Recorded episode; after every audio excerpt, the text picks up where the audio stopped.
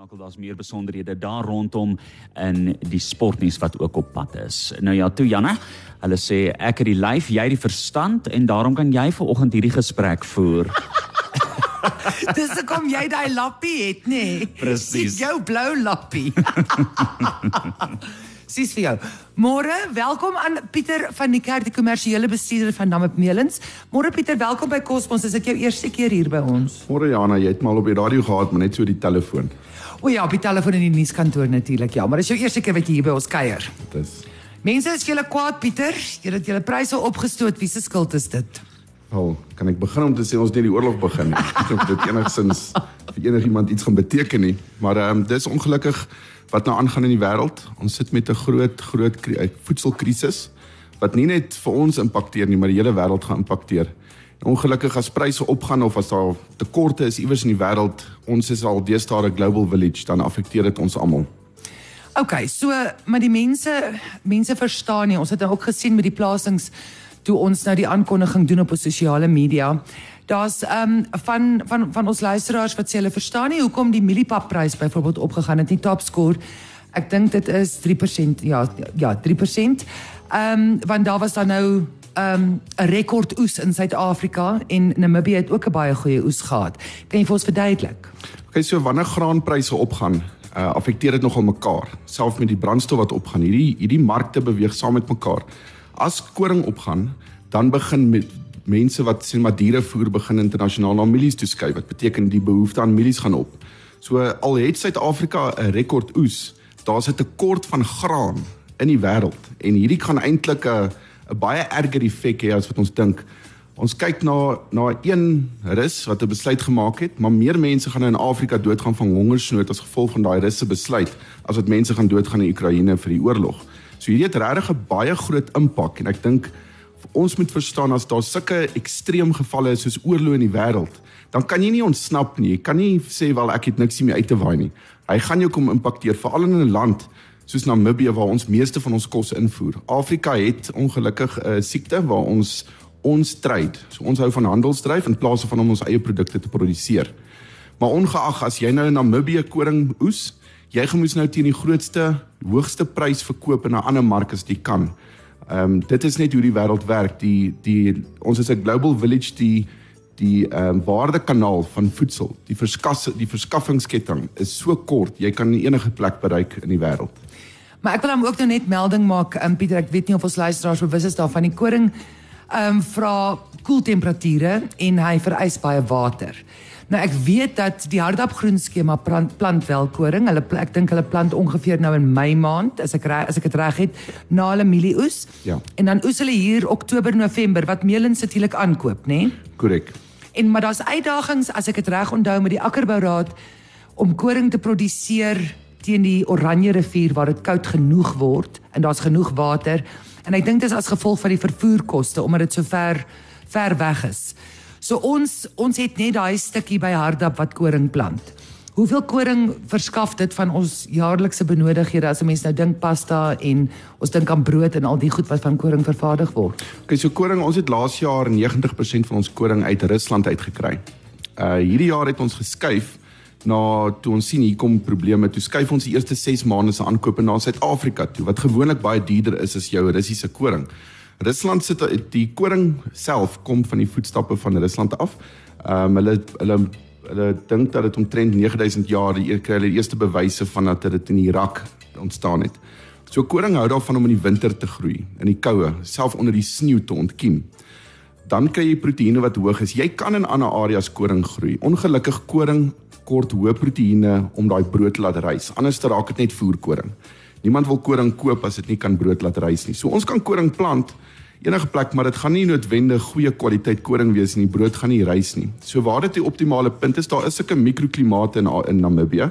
Hardap is 'n goeie voorbeeld. Daar self in die ooste van Namibië raak dit koud genoeg. Jy soek dit gewoonlik waar dit koud genoeg maar dit word ook nie ryp sekere tye van die jaar nie. So dit is 'n spesifieke klimaat wat jy soek. Nou ons het in Namibië omtrent so 8-9000 ton se koring laas jaar geoes. Ons gaan seker min of meer weer dieselfde hierdie jaar, miskien 'n bietjie hoër want die koringpryse is baie hoog, so boere is geïnsentief om om oor te skakel koring toe. Ja. Uh ons het van Suid-Afrika gaan ons hierdie jaar omtrent 50 55000 ton se koring inbring. Maar ons gaan nog steeds met koring inbring van die diepsee af. So ons gaan nog steeds of van Amerika, Europa, uh Rusland, Poland of waar ook ons gaan 10 teen moes nou niemand meer vir Rusland wil ondersteun nie. maar um, ons sal ons sal hopelik van die Oosblok lande in in Europa sal ons kan koring kry. So altesaam ons gebruik 150 000 ton se koring in 'n jaar as Namibië. Ons kry net uit Namibië uit so 8 tot 10 000 ton wat wat ons hoop kan ook groei in die, in die toekoms. Ons gesels nou nou verder. Baie dankie Jean. Okay Pieter, ons het nou 'n oproep gehad van 'n luisteraar wat sê daar's spulpunte in die noorde. Jy het nou verduidelik dat koring het uiters koue nodig om goeie proteïen um te te te bevat om dan brood en so te laat rys. Maar um jy het ander kommentaar oor die spulpunte in die noorde en dan die riviere en die goedjie goetertjies daar by die groen skemas? Ja, ek dink as ons gaan kyk Namibië het meer water per capita, 3 keer meer water per capita as Suid-Afrika. Dit sit in baie spesifieke areas. So ons kan 'n ons eie broodmandjie word, ons kan begin uitvoer, ons kan genoeg graan maak dit lê omdat dit so in strategiese areas lê, lê dit altyd by kom ons uh, politieke areas. So daai areas is altyd onder dispuut oor die grond. Jy kan nie grond besit nie. So as ons gaan kyk na die groen skemas wat uit is, regering is nou besig om 'n regte beweging te maak waar hulle sê hulle gaan nie probeer om die groen skemas self te bestuur nie. Want onthou, hulle het ander mandate van om die gemeenskap gelukkig te hou en om ja. so nou as jy dit gaan gee vir privaat sektor en privaat sektor begin dit kommersieel te boer, dan kan ons dit baie sukses suksesvol doen. Ons kort net ongelukkig weer 'n bietjie vaardigheid in Namibië op dit en daar is al reeds mense wat dit kan doen, maar ons om regtig op daai vlak te produseer om kommersieel vir onsself kos te maak, gaan ons gaan ons bietjie met mense in inbring om ons te help met dit. Dis ook kapitaal baie intensief, so jy kort finansiering wat wel beskikbaar is. So ek dink Namibië is besig op die pad om om te verbeter op op kosproduksie. Ek dink ook as mense gaan vat en sê wat in watter area met wat wat geplant word, want miskien ja, dit maak nie sin om in die noorde altyd koring te plant nie, maar dan maak mielies en soja dalk meer sin. Ehm um, dan kyk jy na areas waar hardtap is, byvoorbeeld daarso sal ek sê dit moet ge, ge, gehou word om koring te plant. Maar weer eens, jy moet seker maak jy gee die boere in insentiewe sodat hulle hier gewasse plant. En dis eintlik wat die res van die wêreld doen. Hulle vat landbou as eintlik 'n voedselsekuriteitspunt en probeer dit so optimaal as moontlik te bestuur. Was ons ooit in die posisie Pieter in jou mening om nie hierdie krisis as gevolg van die oorlog in Oos-Europa hierdie krisis so erg in Namibië te beleef nie? Sjoe, ja. Nou. Kan ek net sê wat se swakste film ooit nie. Ek kies The Room. nee. Ehm um, ja, ja, ek dink ons ons eintlik moet hierdie sien as 'n kontinentprobleem. Vir ons om regtig hier hierdie probleem te kon vermy, het sou ons eintlik moes gaan het gesê Hoe kan ons seker maak die Afrika as 'n kontinent dra by tot die welstand van die wêreld? Wat beteken ons moes in Afrika meer geproduseer het, meer werk geskep het en eintlik bygedra het. Dis ook dan sou ons miskien nog op die hierdie Security Council of Sekuriteitskomitee gesit het waar almal so aangaan. Waar nie een Afrika leier is nie, hoekom nie? Want ons koop alles wat die res van die wêreld produseer, ons produseer nie genoeg nie, ons het nie genoeg werk vir ons eie mense nie. Dis dis die al manier wat ek glo Namibië kon hierdie ding vermy het, is om deel te wees van 'n gemeenskap gemeenskap waar ons genoeg werk werk toegang het vir al sy mense. Okay, maar ons is nog nie klaar met jou nie Pieter, as ons terugkom gesels ons oor suiker. Ons gesels verder met Pieter van die Kerk, die kommersiële bestuurder van Namib Mills. Okay Pieter, ons het so bietjie toe ons van die lug af was gesels oor suiker. Daar's uitdagings, vertel ons. Namibië as gevolg van omdat ons die oudste woestyn in die wêreld is, is Nam het, is Namibië die grootste verbruiker van suiker per capita in die wêreld. Regtig? Want ons het nie natuurlike vrugte om ons nie. So omdat ons 'n woestyn is in Suid-Afrika byvoorbeeld, jy weet mos nou van die lemoenplase, die appelplase, daar's allerlei vrugte reg rondom die land. Hier in Namibië ons het nie genoeg natuurlike suiker in ander lande waar suiker 'n nismark is, jy weet jy word self 'n uh, of of ekstra belasting betaal vir die gesondheidsredes. Ons het dit nodig sodat ons mense hulle werk kan doen. So as jy gaan vat rondom rondom suiker, ons voer alles in en produseer niks nie. Daar's ook baie geleenthede daarvoor vir ons in, in die toekoms met werkskepping en ons eie suiker te produseer. Maar ons is 'n bietjie in die kloue van van die Suid-Afrikaanse produsente. Ehm um, ek as 'n voormalige Suid-Afrikaner is nogal teleurgestel oor hoe hulle hierdie hulle Voormalig. My kinders is nou gelukkig hier gebore, so ek sou ek sou ook Namibies. Daar sy. Ehm um, nee, ek dink ons moet vorentoe regtig gaan kyk wat ons op suiker gaan maak. Ons gaan nou moontlik April uit suiker uit hardloop. So ons probeer nou soveel as moontlik suiker in die hande ons besig met die regering te werk. Daar is 20000 ton se suiker van uh, wat geoormerk is vir Botswana wat tans in Walvisbaai se draaiport lê. Uh, ons wil kyk of ons nie van daai ook kan kan inbring nie om tydelik hierdie probleme op te los nie, maar Suid-Afrika het nou suiker wit suiker tekort spesifiek as gevolg van hulle oestye en hoe hulle refineer. So ons sit nou tans met 'n probleem op suiker, so nie net daai prys nie.